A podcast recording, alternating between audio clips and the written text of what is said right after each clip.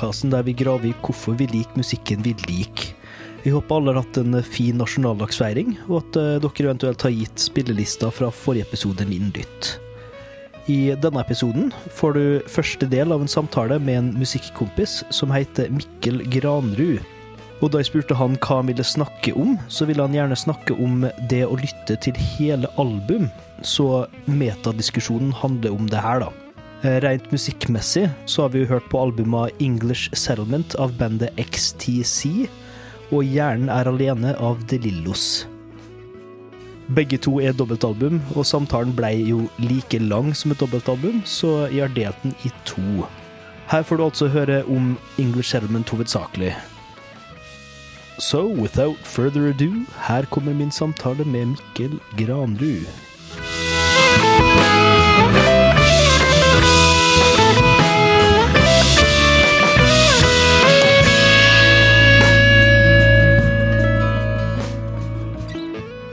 Hei og velkommen til Lær å lytte. I dag har jeg med meg Mikkel Granrud. Hvem er du? Ja, hvem er jeg egentlig? Jeg er uh, bassist. Uh, halvgod i litt av hvert, men ikke så veldig god i veldig mye. Jeg er også vokalist, bassist i bandet Tusenknuser, som mm. spiller ja, rock på norsk og norsk på rock. En god blanding. eh, ja, med litt moro, eh, moro undertoner, er Ja, si. med litt moro undertoner. En blanding Mm. av uh, løgn og sannhet. Det kan være vanskelig å vite hva som er hva, men Ja. det er uh, Vi tuller ikke på Vi, la, vi leker ikke tulleband. Nei, det Det er spiller dønn- seriøst, ja. Dønn seriøst, og det ligger Mm. seriøse ting under her, men det kan være vanskelig å vite, og det er jo noe, det som gjør det gøy, da. Mm. Hva er det som er, hva er, det som er gøy fordi det er, ikke er sant, og hva er det som Ja. er gøy fordi det er trist og Jeg tror jo sant? for eksempel ikke at det er sant at du kun går på do på Theatercaféen. Du bor jo i Kristiansand, og det blir litt vanskelig med mindre du Ja, det ville medført Det ville, det ville medført eh, noen eh, ganske grove inngrep i miljøet, altså. Pluss psyken. Så jeg tror, det, Ja, så jeg tror vi kan fastslå at det er eh, den er kanskje kødd. Kan, Ja, men husk Ja. at det er kanskje, da. Det er kanskje. Kan, jeg kan ikke Ja. liksom trekke ut teppet på de som måtte Mm. velge å tro på noe annet. Om du derimot vil sprenge hytta, det kan hende. Men om du har gjort det, derimot Nei, nei, nei, den står der fortsatt. Du kan gå Ja. på Google Maps og finne, finne Mm. hytta det er snakk om her. Så det er jo det er jo et, frem, det er jo et potensielt frempek her, da. mm. Så igjen Skal aldri si, skal aldri, si aldri. Og for lytterne som eventuelt eh, ikke skjønner hva vi prater om nå, så er det to låter som Tusenknuser har ute for øyeblikket, da, som er da i hytta' og 'Jeg går kun på do på teaterkafeen'. Det stemmer Ja. for øyeblikket. Men eh, hvis du eh, ja, skulle finne på å høre på dette på et senere tidspunkt, så vil du finne andre ting der ute også. Mm. Kanskje kan Kanskje om 20 år så er det kanskje litt mer der. Ja.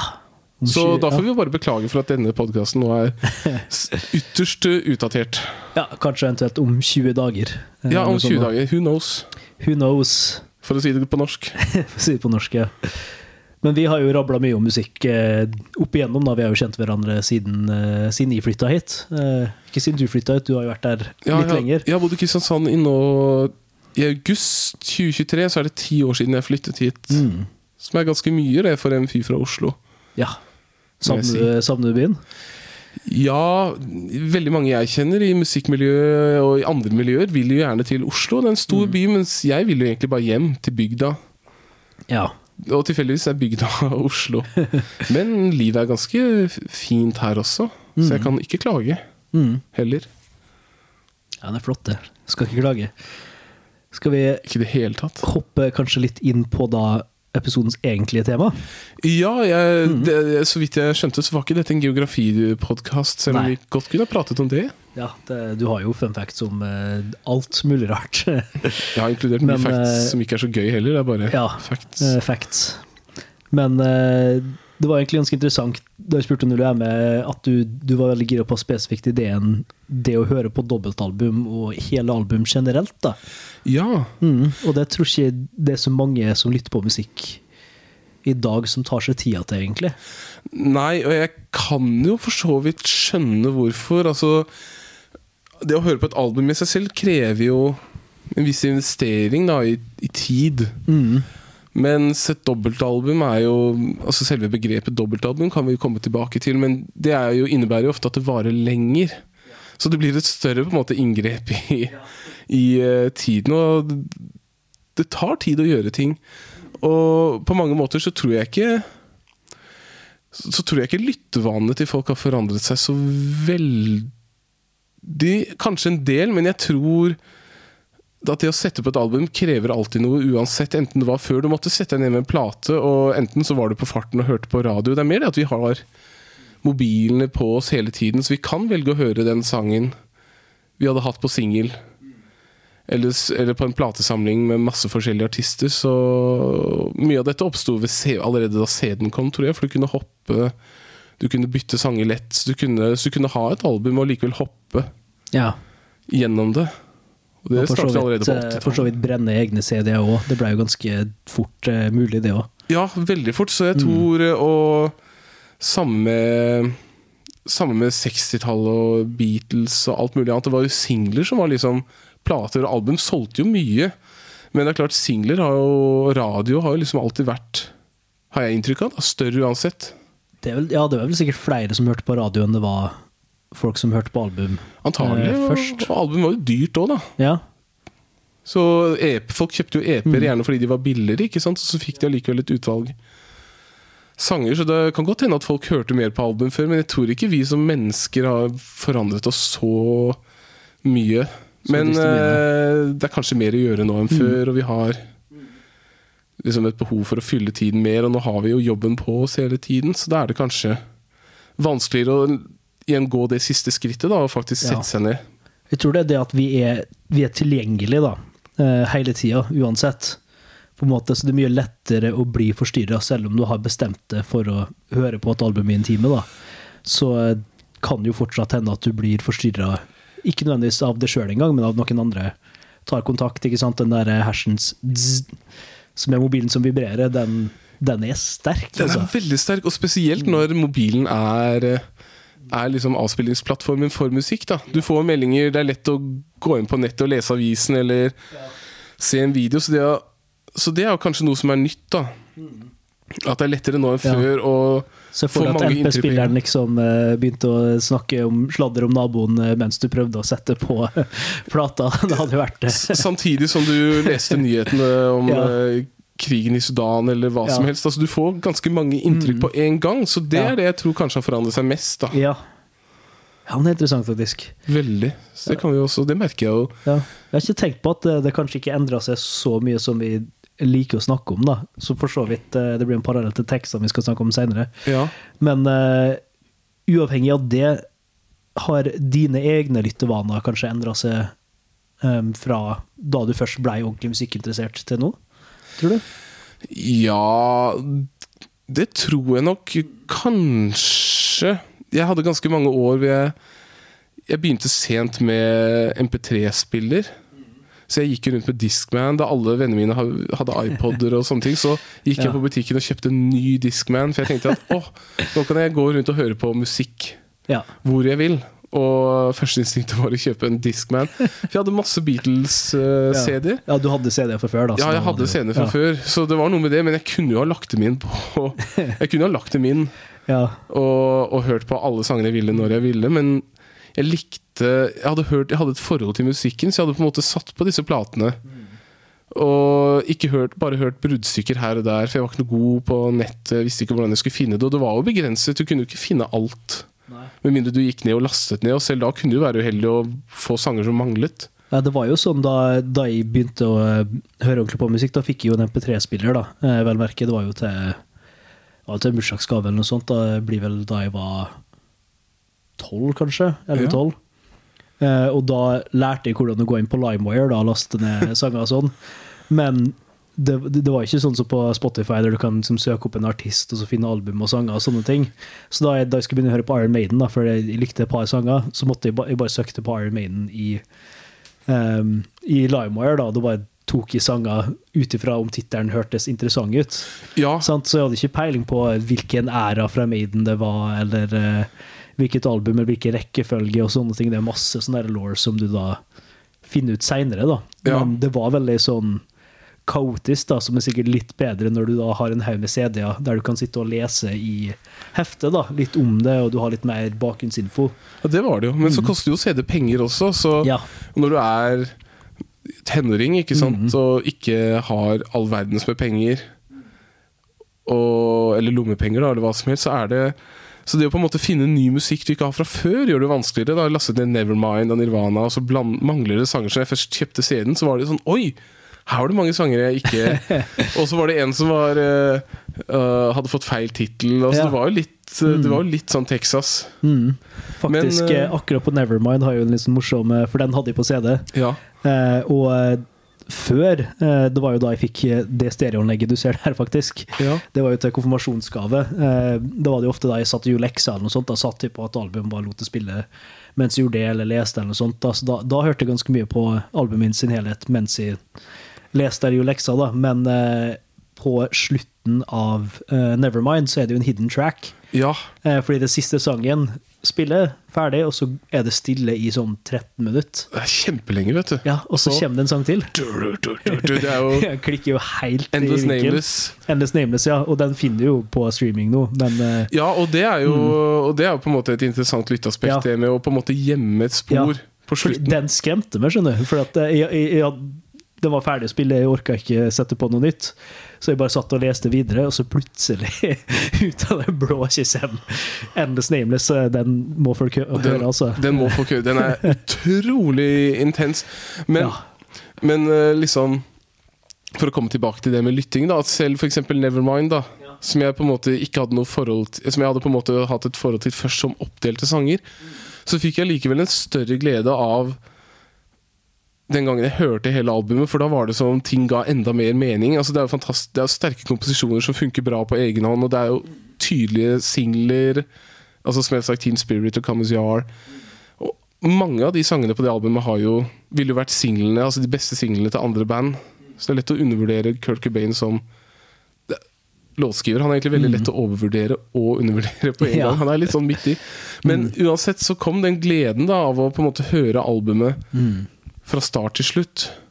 Ja, for hvordan tror du Ikke nødvendigvis at sanger blir bedre, men hvordan tror du en enkeltsang endrer seg når den plasseres i en kontekst? Jo. Sånn som det? Det er litt som mat, for så vidt. Hvis du har, det er ikke noe godt å knaske hvitløksfedd, men hvitløk er jo helt fantastisk.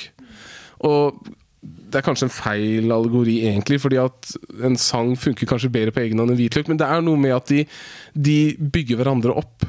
Ikke sant? De har Albumet starter oppe, eller det starter nede, og så bygger du videre inn i neste. Så det får en sånn sammenheng, og så skaper det en stemning som, det treng, så, som trenger litt tid. Det tar det på en reise, da, tror jeg. Ja, det er noe med med det. Og de albumene jeg hadde lyst til å snakke om i dag, og disse dobbeltalbumene, de gjør jo også det. Så jeg har alltid på en måte satt veldig pris på den reisen som musikk kan gi meg. Og det betyr ikke at jeg ikke hører på enkeltsanger her og der, eller at jeg får sjanger som jeg kommer tilbake til, eller setter på en miks her og der. Og jeg har ikke tid alltid til å vie en halvtime eller en time eller to timer til å høre på et album. Så jeg kan godt stykke opp et album uh, i to i løpet av en dag. Si at jeg er på vei et sted, så går jeg dit, hører på halve albumet.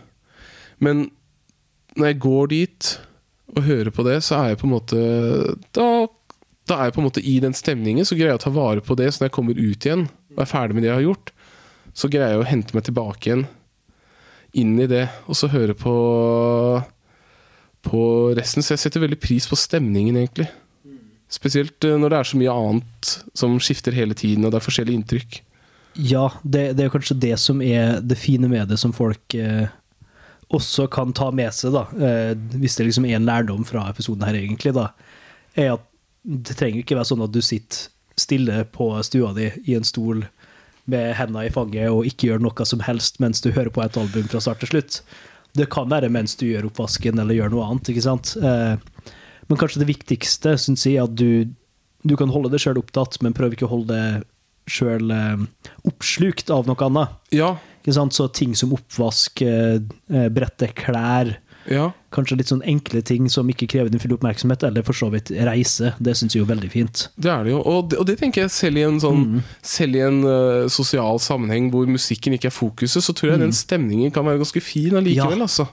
Bare det å ha Bare det å ha en viss Og album kan jo være veldig forskjellige, ikke sant? De Ja. kan ha uh, sanger som er veldig nede og veldig oppe, og forskjellig instrumentering, men stort sett så føler jeg at gode album henger sammen allikevel. Og bare det å Om det er i bakgrunnen eller om det er aktiv lytting, det er ganske Mm. det er fint.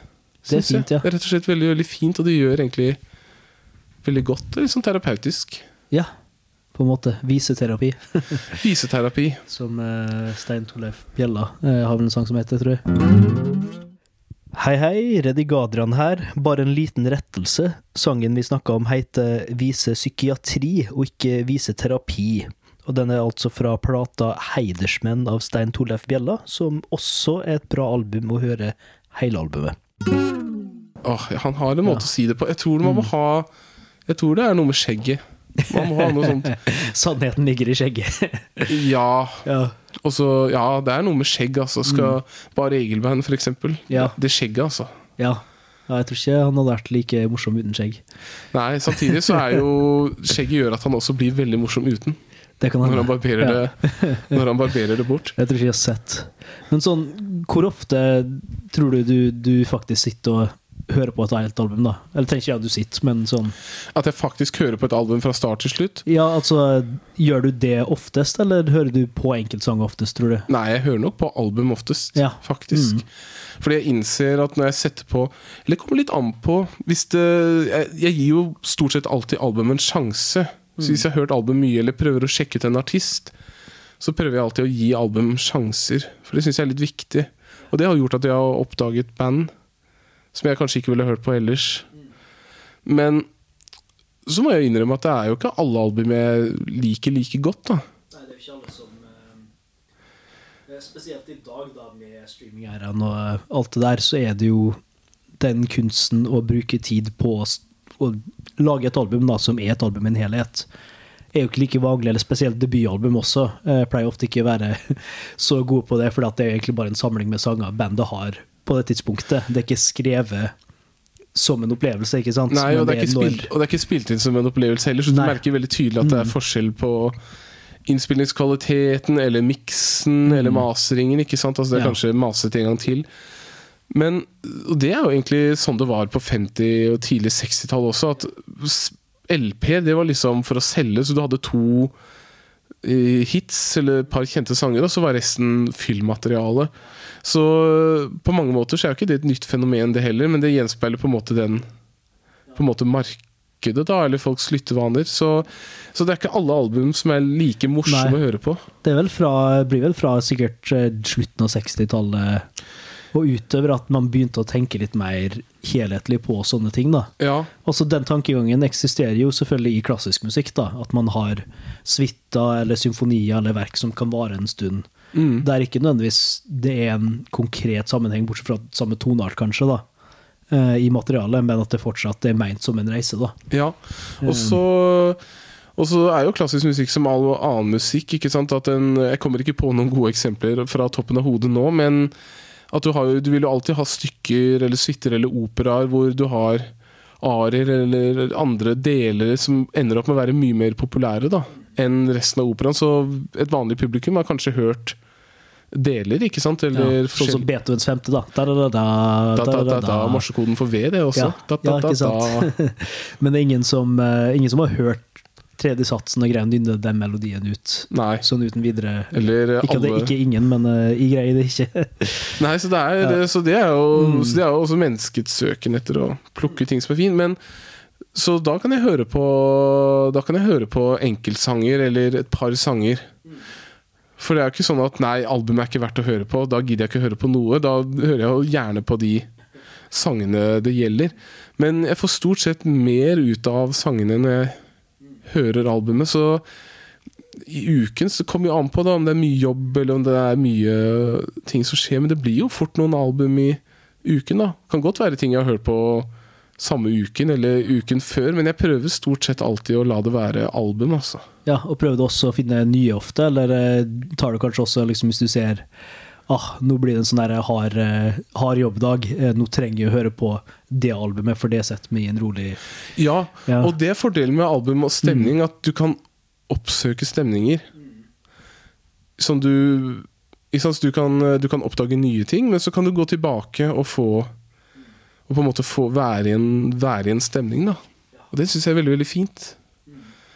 Og jeg kjenner at jeg kommer til å bruke ordet fint ganske mye, men det er Men, det er, liksom- fint, det.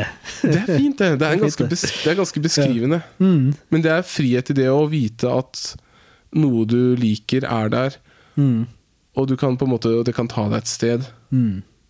Det er ganske Ganske Flott. fint. Det er ganske, ganske vakkert. Det er ganske vakkert. Eh, spesielt eh, siden, eh, siden det kom ut, egentlig. Jeg har jo en egen episode om det, sånn sett òg.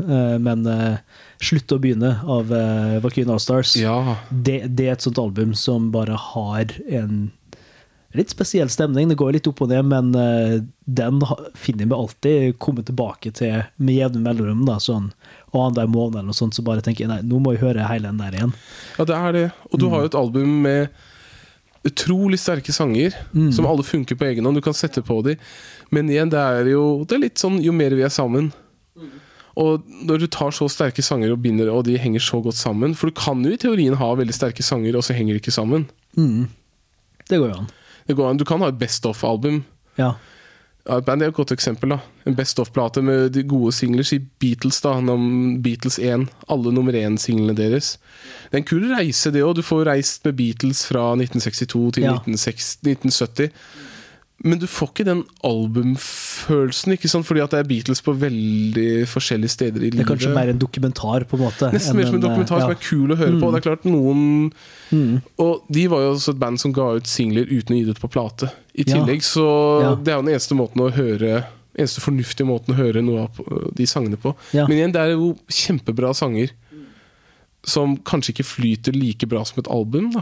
Så det også har jo Og du kan ha sanger Og du kan ha album uten sterke hitsingler, som allikevel er sterkere album da enn et album fullt av hitsingler. For da gir det det den stemninga, ikke sant? Og av og til er jo eh, Det er ikke alle sanger som trenger å være en anthem. Noe kan bare være nesten eh, Nesten sånn eh, dekompresjon eller noe sånt noe fra altså Hvis det er en sang som er veldig sånn sterk og eh, løfter det opp og liksom får det veldig sånn eh, nervøs, nesten kanskje, eller gira eller oppspilt, da, og så får det en som bare gir det et lite utpust, da, som trenger ikke gjøre så mye, og den kanskje ikke gjør så mye ut av seg alene heller, men da Ja. når du setter den i kontrast til kanskje Si etter Bohemian Rhapsody, jeg vet ikke helt hva som kommer etter Bohemian Rhapsody på eh, plata den er på, men eh, jeg vil tippe at det sikkert er noe som ikke slår deg like hardt i trynet, eh, på en måte. da. Ja, Mm. og så Og så er det jo det at du på en måte får en annen måte å bygge opp ting på. Så eh, du kan si en god popsang, da. Som er full av forskjellige hooks og forskjellige oppbygninger og dynamiske virkemidler, istedenfor at du har masse forskjellige endringer i én sang på tre minutter. Så sprer du det utover et album. Så du kan ha én sang som på en måte er rolig og bygger opp. Og så kan du ha én sang som er veldig veldig oppe og veldig masete og anmassende. Og så kan du ha en annen sang som er et helt annet sted. Så du kan på en måte spre én sang utover et helt album på en måte. Sånn at summen er mye større enn Sånn at summen er større enn delene, da. Ja, det, det er noe der, altså. Og så tror jeg da det kan være viktig å tenke på, sånn som jeg har skrevet her, da. Eh, og du merker altså, de skrev det veldig rart med eh, store bokstaver på alle ord, men å oppleve noe kontra å engasjere deg i noe. Ja, For det, liksom, det tror jeg også du får litt mer glede eh, av og til. Da. Det spørs på albumet sikkert litt også, men eh, hvis man begynner å kjede seg, så er det viktig å tenke på også Du kan jo engasjere deg i musikken. Du trenger jo ikke sitte passivt og lytte, eh, sånn som du kanskje gjør når du ser en eh, Si du ser på The Office eller en eller annen sånn lettere sitcom, da, ikke sant? så er det, det er ikke alltid du følger intenst med. Du bare litt sånn eksisterer, og så blir det her kasta inn i trynet ditt. Mens eh, hvis du må se på Breaking Bad eller et eller annet som er litt mer dense, da må du liksom følge litt med og eh, tenke litt over ting som skjer og sånt. Og det samme kan jo være med et album. Det er ikke alle album som nødvendigvis uh, inviterer det inn med en gang heller. Noen, noen gjør det litt uh, Gjør litt mer du må engasjere deg, da. Ja, Noen krever jo mer, at du lytter flere ganger. Og det er jo på en måte Mm. det som er flott med det. Men samtidig så Jeg skjønner jo at det liksom Det tar tid. Ja. Og jeg kan jo gi opp på albumet, jeg òg, selv om jeg burde ha gitt det flere sjanser. Fordi tross alt så skal vi vi dø, så samtidig som livet er for kort til å Ja, ja. gå glipp av gode album, så er også livet for kort til å på en måte bruke Ja. altfor mye tid på ting som ikke er Jeg vet ikke hvor mange ganger jeg skal prøve å høre på Trout Mask Replica uten, uten å bli gæren, liksom. Ja, eller uh, Disco Volanta Mr. Bungle uten å skyte seg.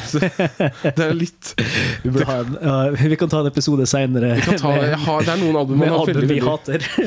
Ja, altså, jeg prøver, jeg prøver Det er noen album jeg virkelig tenker at jeg må prøve å like det. Folk sier det er bra, og jeg, jeg kan skjønne hvorfor det er bra, men noen album er bare helt krise, altså. Ja. Og ikke fordi de er dårlige, men bare fordi det treffer deg på helt feil måte. Men jeg Mm. kan også høre på sanger uh, Apropos album, jeg kan også få fyring på én sang, og så setter jeg på den sangen, og så hører jeg den 30 ganger i løpet av en dag. Fordi at da er det den stemningen, den ene sangen gir deg som du vil ha. Og da hjelper det ikke å høre på albumet, for da tar den deg ut av Ja, det lille øyeblikket. Og Så kan du kanskje lage en spilleliste som har den stemninga med mange forskjellige enkeltsanger spredt. ja, Men det er litt vanskelig å finne den spesifikke følelsen da, uten ja, og det er litt sånn ja, I hvert fall hvis du bytter artist og sånn, da. Ja, Eh. spesielt. Fordi at du Mm. kan eh, Fordi at sanger og Alle band har jo sitt uttrykk, så det er jo ulempen når, du, når man finner et band man liker, og så får du anbefalt andre band som ligner, så innser du at ingen band ligner på hverandre. Selv band som er Ja. Selv band som er eh, Som virker på en måte i sjangere som kanskje virker monotone i utgangspunktet, så innser du at nei, de, de er egentlig forskjellige alle sammen. Selv om de virker like, så er det fortsatt Det er kun det bandet som er det bandet.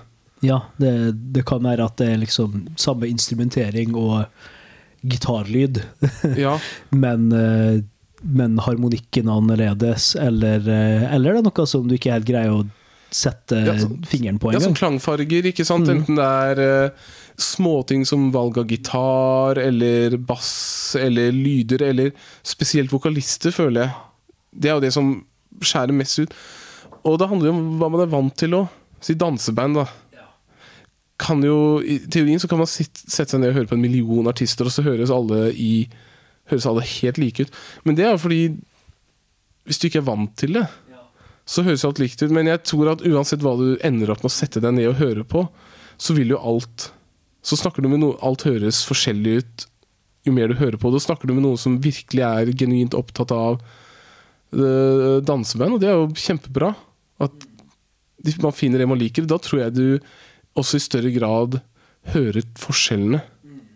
Akkurat som mennesker rundt i verden syns at mennesker i andre land ser helt like ut. Ja, sant? Men- du, er bare ikke vant til det. Ja, man er bare ikke vant til det, ikke sant? Og de ser litt annerledes ut enn du selv gjør, og musikken Akkurat som at danseband høres litt annerledes ut enn andre ting man hører på. Men Mm. Ja. til syvende og sist er alt litt forskjellig, og det kan jo gjøre det frustrerende å finne ny musikk, men samtidig så er det det som er gøy, da. Det er det som er givende også, da, ikke sant? Fordi jo mer du da engasjerer i noe, jo mer tid du bruker på noe, Ja, jo mer finner du, jo mer lærer du, jo mer kan du Ja, nye opplevelser kan du få, da, ikke sant? Så sånn som eh, eh, Ja, vi får spare det til vi begynner å snakke om De Lillos, da, men, eh, men sånn enkelte sanger, da, ikke sant? Eh, sånn som når jeg har hørt på oss album her, så har jeg jo vært veldig bevisst på å prøve å høre på dem som album, da. Så eh, for eksempel hvis vi tar en smooth overgang inn til XTC, da, som er første dobbeltalbumet. XTC staves bokstaven X, T og så C. Så det er Mm. Ja. Mm. tre bokstaver rett fram. Nei da, Og albumet English Settlement, da. Eh, Og bare det Det jeg skulle si, at det var liksom enkelte eh, Mer tilfeller på eh, andre plater vi skal snakke om, men når jeg først hørte på det, da, da Det var bare på en busstur til Lyngdal, for jeg skulle på jobb dit. Og da hørte jo på noen ørepropper uten så god isolasjon. Så jeg hørte jo på hele albumet, men for det meste så hørte jeg omtrent bare tromminga. men det var jo skamfet tromming, for øvrig. Ja, ja, eh. Supertight og masse gruver og morsomme ting. Men bassinga hørte jeg nesten ikke i det hele tatt. Ja, og er og tekstene var veldig vanskelig å høre, for det drukna litt eh, baki. da. Ja, så sånn har jo så, ikke sant? Så det har jo ikke bare hva man lytter på, men hvordan Ja, Men da, jo mer eh, Jo flere runder jeg hørte på det med forskjellige anlegg, da, eh, jo jo mer åpna forskjellige sanger opp også. Og det var et øyeblikk eh, da jeg hørte på eh, No Guns In Our House. Eh, Det var da jeg kom inn døra i stua, da Da det plutselig var litt mindre støy, og sånn, så hørte jeg faktisk på teksten. Og bare, oh, wow, ja, den prøver jo faktisk å si noe, ja. Kult. Ja, den sier ganske mye, for det er jo du, så du får dybde, da, er poenget når du bruker tid, da. Ja, og der før, vi, jo før vi nøler på sangene, vil du kanskje bare forklare hvem XTC er? Ja, XTC det er et uh, britisk band fra den lille industribyen, uh, jernbanebyen Swindon i uh, sørvest-England. Sørvest, det. Sørvest-England, så det er sørvest, eh, halvannen time, to timer sørvest for London. Ja. Sånn 200 000 menneskers by. Eh, mye i Norge, men i et land med 60 millioner mennesker så er det Ganske en liten by. Ja. Uh, masse jernbane, masse industri. Hardt bygget ned på på 70-80-tallet med riving av gamle hus og bygging av nytt eh, firkantsentrum. Og de eh, var litt sånn i new wave, punk-aktig bølgen, selv om de var liksom hadde en fot begge stedene og ingen av de stedene samtidig. Og de startet da på midten av eh, 70-tallet og ga ut sin første plate i Sine to første plater, faktisk, i 1977. Vi må ikke glemme alle bandene der Ja. ute som eh, ga ut to plater i året. type Beatles og type XTC. Og ja. de besto da av eh, eh, vokalist og gitarist eh, Det var vel en trio, var det ikke det? ja, de startet med en trio, og så ble Ja. det en kvartett. For de var jo da Du har jo Andy Partridge på gitar-vokal, og så har du Colin Molding på bass-vokal, og så har du Barry Andrews på keyboards i de første par årene. Og så Terry Chambers på trommer. Og senere, altså før English Settlement, altså før eh, Det var kun på de to første skivene, så sluttet Barry Andrews, og så fikk du inn fantastisk gitarist og pianist eh, Dave Gregory. Er det han som spiller på English Element òg? Han spiller på English Settlement. Både han og, både han og Partridge. Kult, eh, kule gitargreier Ja. Og, men både han og Partridge er liksom supergitarister på hver sin uh, måte. Men de, uh, de De gikk på en måte over fra litt sånn Det som er at Andy Partridge han hadde masse Han slet skikkelig med å turnere. Syntes det var veldig veldig hardt, veldig veldig kjipt. Så, og de skrev jo så mye. Helt vanvittig mye musikk. Både han og Colin Molding er jo hovedlåtskriverne her.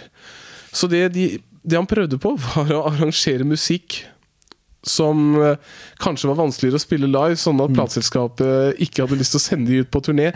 Og etter English Settlement så sluttet de faktisk å turnere. Så de sluttet å turnere i 1983, tror jeg det var. Og så ble de oppløst i år 2006. Så fra 1983 til de ga seg i 2006, så turnerte de ikke. Ja. Men den ga ut uh, mye musikk da. Ja, de ga ut mye musikk eh, opp igjennom, og de, hadde, de spilte på Letterman i 1989, og de hadde et par sånne radioopptredener, men uh, konsertene sluttet de rett og slett med. i Egentlig ganske interessant, det. Og det, det er jo en egen verdi i å tenke på musikk også utenfor det at man skal kunne spille det også.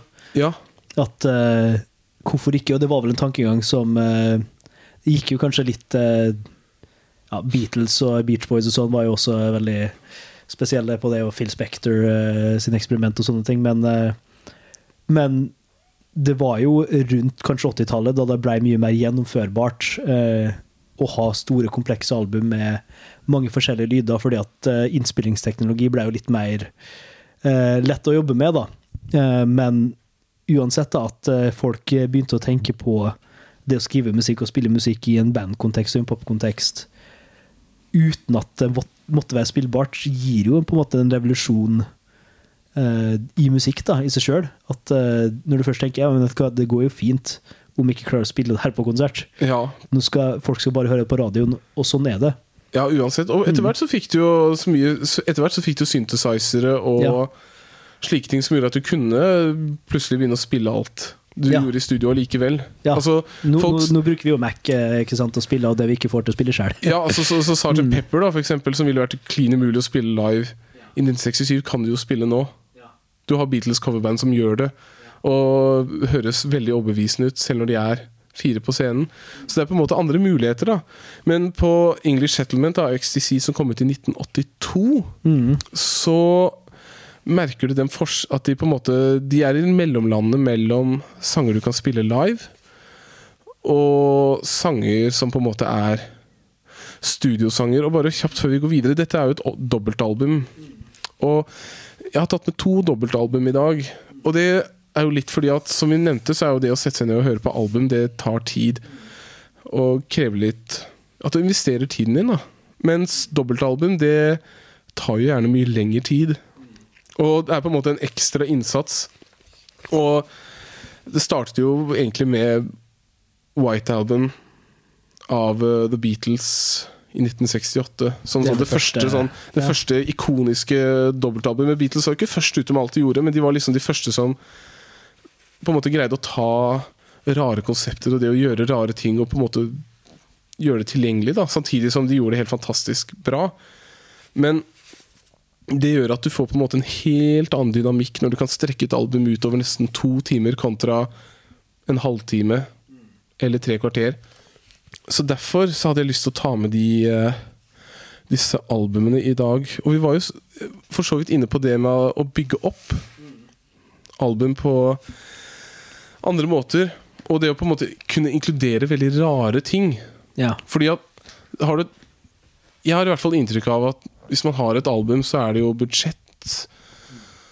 Og det er tid, og det er mye forskjellig, og da er det man nødt til å begynne å tenke på hvilke sanger skal vi ha med, hvilke sanger skal vi ikke ha med. Og man vil jo gjerne selge albumet sitt. Du må jo det, ellers så eh, Ja, ellers taper du penger på innspillinga. ellers så taper man Ja. altfor mye penger på det, men Mm. Men så er det det som er så gøy med dobbeltalbum. Mm. At da kan du bare ta med alt. Ja. Ikke sant? Det er sånn, Du tar med sanger som vanligvis ikke Sånn som eh, Si på Du har sanger som Du kan ta med sanger du vanligvis ikke ville hatt med. Du kan ta med sanger som er altfor lange, som vanligvis ville ha blitt kuttet ned. Si f.eks. du har eh, en sang på side to her som heter 'Melt the Guns'. ja. Som er en ganske sånn lang, intens, masete affære som er kjempekult. Men som på et annet album ville ha stjålet tiden din, kanskje. Ja, Tatt mye hvor lang er den? Ja, den er over seks minutter lang. Ja, men den føles ikke så lang. Nei, den føles ikke så lang. Fordi, igjen, og den hørte jo først omtrent bare med tromma, Ja. men det, det er så utrolig drivende og engasjerende. Ja, er å høre på uansett. da, Du sitter jo bare og nikker Hele tiden. tulling. eh. Guns. Oh, oh, Utrolig intens. Men Et, et annet element da, eh, som er bare gjennomgående på hele albumet, er at det er så lett å synge med på. Det er så mye repetisjon som tar tid, men det gjør at når du da igjen engasjerer med musikken og tenke liksom ja, Melt the guns melt the... Melt the guns Ja. I want to fight them. mm, Så blir du du blir dratt med, da. Veldig. Det er sånn hypnose, nesten. Men hadde dette vært en seks minutters sang på et album som var 38 minutter, Ja. så hadde det jo vært sånn der grensesprengende langt. Det hadde Ja. jo tatt hele platen, Mm. og så hadde man tenkt ja Selv jeg hadde tenkt ah, kom igjen, da. Mm. Tror jeg kanskje, i hvert fall. Ja. Fordi Mens her er det plass. Du har gjennom, allerede vært gjennom en hel side, og du har Og siden dette er første spor på side to, så har du tid til å på en måte lande og fortsette videre etterpå. Det er jo sikkert også noe som eh, må være veldig intensjonelt når man tenker på eh, musikk som kom ut på type eh, eh, 70-tallet og sånne ting, altså før vi hadde CD-er og sånt. At eh, når LP var den eneste måten å høre på ting på, og når du da har et dobbeltalbum, så må du være veldig bevisst på hva du slutter første sida på. Eh, og for så vidt med en enkeltplate når du skal snu den også. Så det er også et valg hvilken sang er det siste folk har i minne før de har en liten pause der de snur plata, eller da tar av en plate og tar inn den neste. Det er et veldig godt poeng. Og fordi at Du får liksom muligheten til å starte albumet to ganger. Ja. Og bygge det opp to ganger. Mm. Og jeg skjønner at det er vanskelig å ta hensyn til når vi har Når vi hører på musikk på strømmetjenester. For det er liksom jeg, jeg, Man kan ikke forvente at alle sitter hjemme og hører på en platespiller ikke sant? og vrenger fram plater, og så får de riper, og så skal du ha anlegg, og så skal du ta hensyn til naboer og sånne ting. Så jeg, jeg på en måte Jeg ser at det aspektet er liksom for vanskelig å kreve av folk. At du må sette deg ned og høre på albumet i sin pureste I sin reneste form. Men igjen så har du Men så kommer vi tilbake til igjen det med at du kan bygge opp albumet da på en annen måte. Og hvis du ikke har, du ikke har hørt albumet jeg, du, å, det høres så fælt ut å si, men dere har antagelig ikke hørt eh, hele albumet før. Gjør det. Det er utrolig gøy å sjekke ut, og du får liksom et bilde, et innblikk inn i Ecstasy sin verden. Men du har første låten, da, 'Runaways', som liksom aldri kommer helt i gang, men som bare bygger seg, bygger seg opp, og så bare holder den seg. Så det er som en veldig lang intro. Og så kommer liksom ikke albumet helt i gang heller på andre sangen, 'Ball and Chain'. Den er liksom dundrer og går. Ja. Og så går det helt ned igjen på 'Senses Working Overtime', som er den store hitsingelen, faktisk. Ja. Den er veldig, veldig rar, og så blir den veldig Ja, sangbar. det, det er sånn skikkelig gøy greie i, eh, i akkurat den, da, i Senses Working Overtime. eh, jeg husker ikke helt hvor i sangen, men det er sånn der sklibass. Ja. Som vi ikke la merke til før jeg hørte på med ordentlig headset, da, men uh, bassen går sånn boop, boop. ja. Den var sånn skikkelig rar og skliete, og det er så mye weird stuff som skjer inni her, men så er refrenga super, super uh, Superstreit. Mm. Supersangbart. Og husk at dette, når dette er 1982, ikke sant, så er jo folk fortsatt vant til 70-tallet, og 70-tallet var ganske speisa. Så på den tiden så var jo folk mottagelige for sånne rare?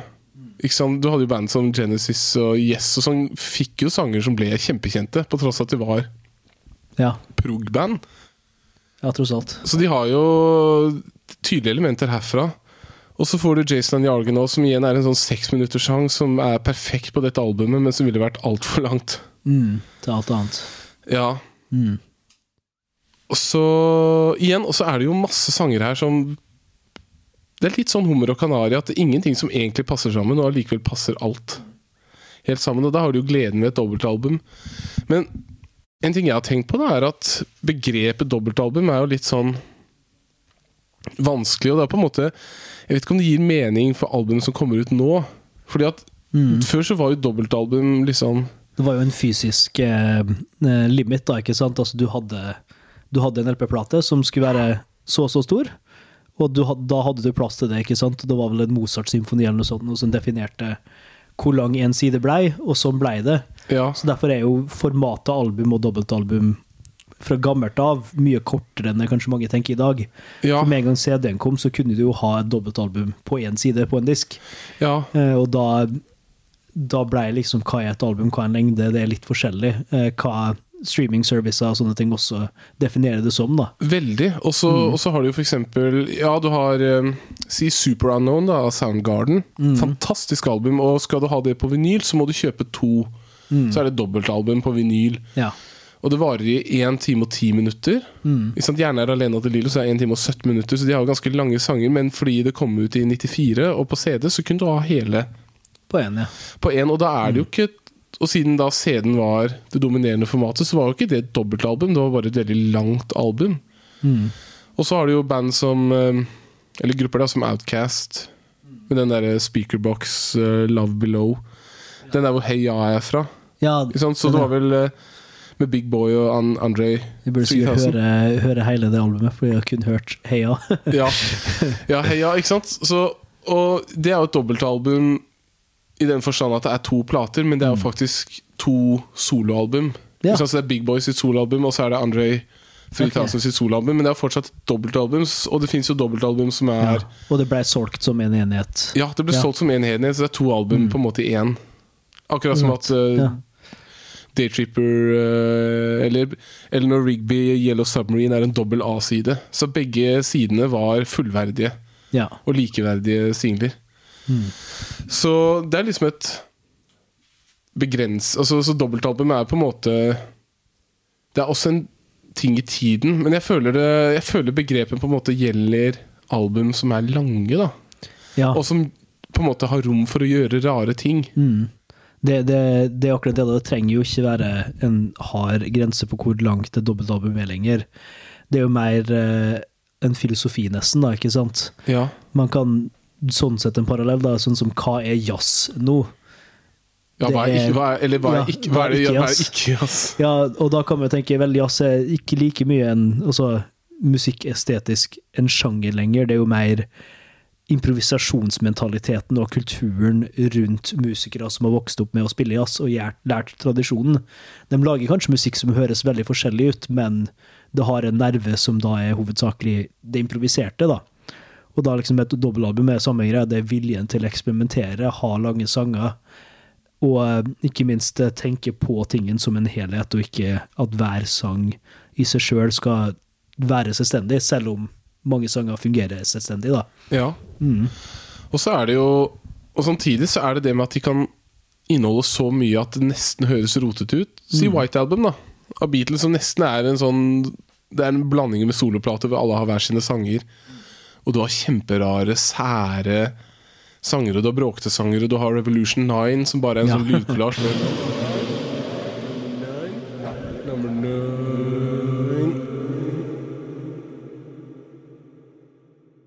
Og sånn er jo Og sånn er jo begge albumene jeg har med i dag. De er De har den uh, sammenhengen som jeg liker med Med lydbildet, da.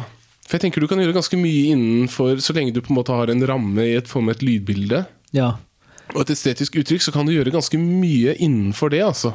Ja, jeg tror det er faktisk ganske viktig også med veldig spesifikt med, eh, med English Element. da. At eh, jeg tror du møter albumet på en mye, mye bedre måte eh, hvis du møter det med et ordentlig lydanlegg. da, så Det trenger ikke være super hi-fi crazy greie, men et eller annet som gjør at du kan høre bassen eh, nummer én, for det er så sykt mye kul bassing også. Vanvittig. Fytti katta, jeg skjønner hvorfor du liker det som en bassist. Ja, og så Eh, er men- det ja, Og vokalen kommer mye mer tydelig fram da, når du hører, hører det på altså enn et greit headset eller høyttalere som har litt bredde. Hvis du hører på det med Bluetooth-propper på bussen, så hører du kun tromminga. Ja. Og eh, i, altså, jeg har jo en podkast som lytter til musikk, så jeg greier å komme inn i modusen der. Jeg kan nevne det, men, men jeg tror for mange, hvis du vil ha den beste opplevelsen av English Element, da, i og med at det er så mye produksjonsdetaljer, så hør på det med den beste lydkvaliteten du har tilgjengelig, i hvert fall. Absolutt. Og eh, stå gjerne opp og dans underveis. ja, stå gjerne og dans, og så kan du sette deg ned og gråte, og så kan du legge deg ned og Ja. få litt spasmer underveis. For det er eh, Og allikevel så er det jo ofte, rett og slett Selv om det høres ut som veldig mye, så er det ofte to gitarister og bass og trommer som bare Ja. gjør veldig mye ut av det. Og litt keys. Ja, litt keys, og også det er også sett sykt eh, pris på. Altså, at det nesten alltid er én elgitar, kanskje to, men også en kassegitar. Ja, de er veldig, veldig glad i kassegitar. Ja, og det, men det fungerer så sykt bra, da, på en måte som jeg for så vidt hører litt i Tusenknuser også.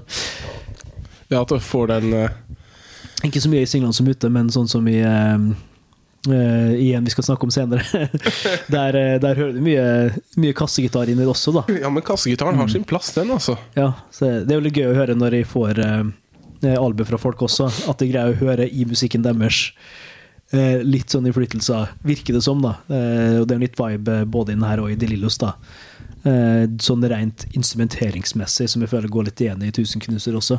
Ja, og at kassegitaren ikke bare er fyllmasse, men at den har liksom en rolle. Fordi at Ja, sånn- kassegitaren lider litt sånn av å være gitaren som vokalisten spiller for å kunne Ja. Så strømme Ja, tinka, tinka, strømmer, tinka, tinka, men tinka, eh, tinka, her, her har den ordentlig riff og deler i hele mosaikken av gitar. eh, Veldig, veldig, veldig, veldig tydelige Mm. roller. Og så har den sine øyeblikk hvor den eh, spiller vanlig sånn strømming, men så er det jobben da.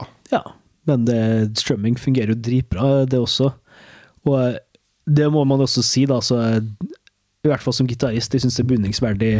Det er ikke et album som liksom slår det i trynet som å, det her er et gitaralbum, sånn som Van Halen eller noe sånt. nå. Men hvis du hører på hver gitarstemme, Ja. og hvor utrolig tight og groovy ting henger sammen med tromminga og bassinga, det er jo helt sinnssykt, egentlig. Det er helt fantastisk. Eh, og at de greier å ha såpass mange forskjellige varierte ting som skjer i tre gitarstemmer samtidig, samtidig som en bass spiller noe annet, litt annet, liksom. Uten at det går over vokalen og alt det der. Det, er utrolig sånn der kompleks eh, tekstur som eh, tar nok veldig lang tid å skrive, tror jeg. Det gjør det, men da har du jo igjen Dave Gregory også, da, som er eh, Som spiller veldig mye tolvstrengers elgitar Ja, på den platen her, sånn Rickenbacken, som er altfor vanskelig å ja, spille ja, på. det stemmer. Det, det, det. For den har liksom den har liksom uh, På Melt the Guns er det vel en uh, Der er det noe tolvstrengersk gitar. Ja, den ligger baki der. Og, ja. og, uh, og altså både er, Jeg vil si det er tolvstrenger både på Runaways har tolv strenger, Ball and Chain har tolv strenger, Census Working Overtime, Jason and the Argonauts All of a sudden it's too late med den introen. Den mm. Utrolig mm. ja, fin. Så nesten mm. hele albumet er tolvstrengere. Ja.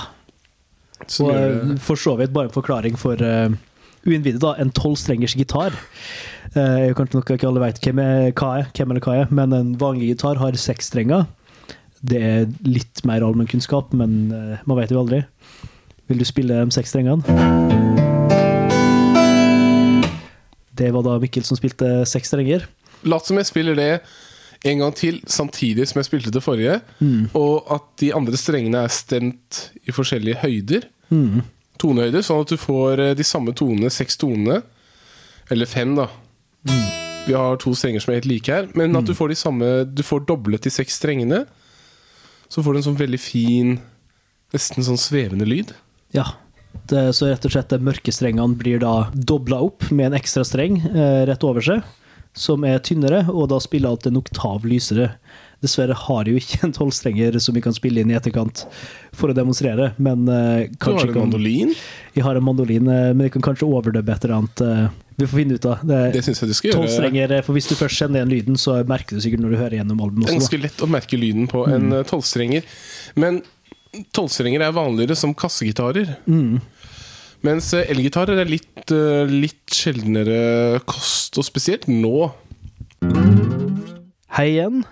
Jeg prøvde å lage en eh, fake tolvstrengs gitarinnspilling til det, kjære lytter, men det låt ikke helt som en tolvstrenger, så du får heller nøye deg med en video som jeg har lenka i beskrivelsen, der gitarist Phil X, som nå spiller med Bon Jovi, viser fram en ganske idiotisk eh, trehalsa gitar med både vanlig gitar, tolvstrengsgitar og en seksstrengs bass. Uh, og hvis videoen er litt kjedelig i starten, hopp fram til 3 minutter og 20 sekunder inn, så får du en veldig morsom Van Halen-cover etterfulgt av en ypperlig demonstrasjon av en tolvstrenger. Du ser det kanskje Eller der jeg har sett det mest, da blir jo på eh, hvis, hvis man er litt mer glad i rockestjerner og sånn, eh, så kjenner man kanskje igjen eh, synet av Jimmy Page eller Slash, som spiller på en dobbelthalsa elgitar. Ja. Eller han, eh, han fra Cheap Trick som har en femhalsa gitar, eller noe sånt. Uf, og, og, og, og, åpenbart ryggproblemer ja. også. Åpenbart. Men eh, der er jo poenget egentlig at eh, sånn som Stairway to Heaven har jo en tolvstengers gitar eh, i introen, og så har den en vanlig hermetegngitar hermetegn gitar andre plasser. Så den dobbelthalsgitaren er jo rett og slett en tolvstrengers elgitar og en seksstrengers elgitar. Slik at det går an å spille den sangen på ett instrument. Og det er så gøy. Mm. Og noen har jo dobbeltinstrumenter som er bass og gitar, typ Geddy Mm. Da, i Rush.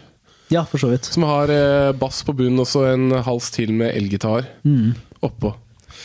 Nei, altså, det er mye Ja. gøy man kan gjøre med alt mulig rart. men Digresjoner, digresjoner, men det er gøy. Men igjen, her får Ja. du da Og dette er et album Altså English Settlement, da, bare for å komme tilbake til det kjapt, så er jo det et i album hvert fall som for varer eh, alle gitarister. eh, Alle gitarister, sjekket sjekk ut. Veldig, veldig veldig mye gøy. Bassister også, og trommiser, egentlig. Alle musikere, i hvert fall. Men så skjønner jeg det, for det varer jo tross alt i Mm.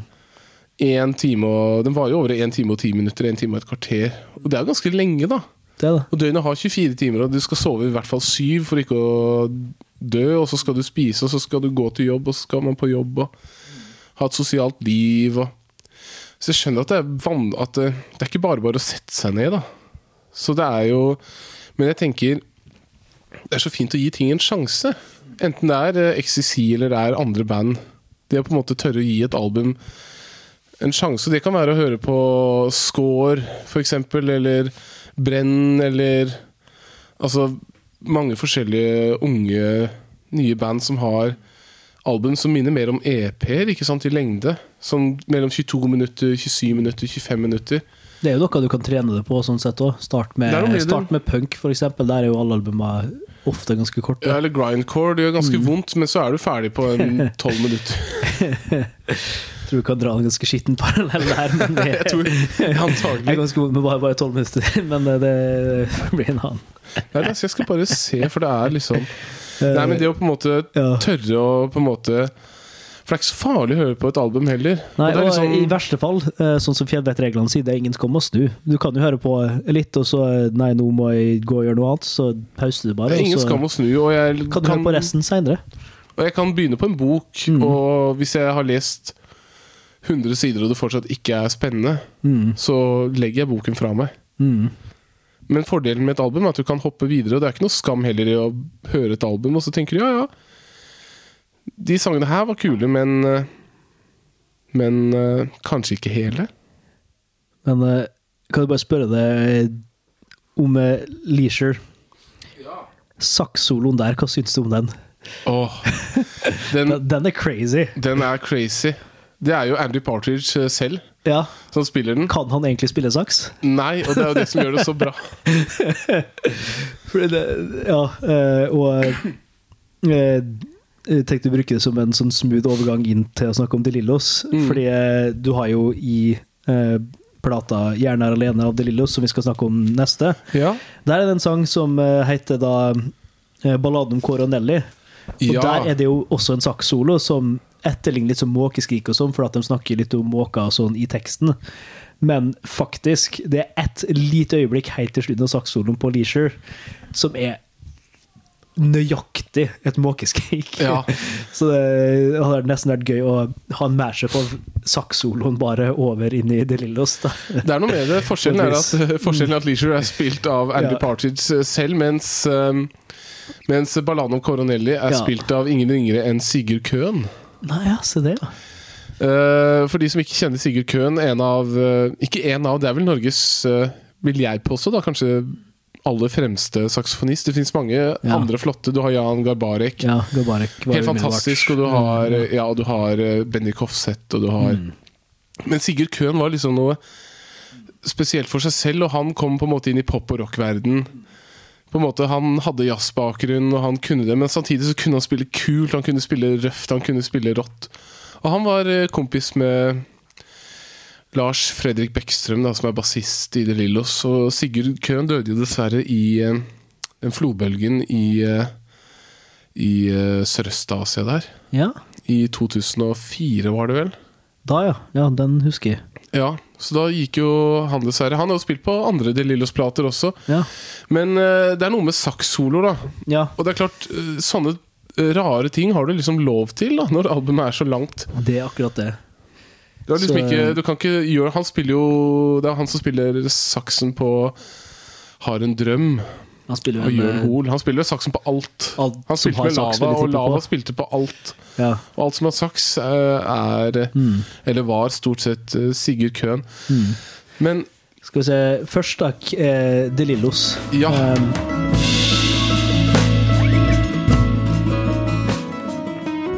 så det var da første del av samtalen min med Mikkel. Siden episoden handler om å lytte til hele album, så har jeg ikke laga en spilleliste, men oppfordrer heller til å høre på English Settlement, selvfølgelig. Og om det ikke helt faller i smak, så oppfordrer jeg deg til å finne fram en favorittlåt, en ny eller gammel, og høre på hele albumet som den kommer fra. Kanskje du får en ny favorittlåt, hvem veit. Og mens du gjør det, så lyttes vi neste uke med del to.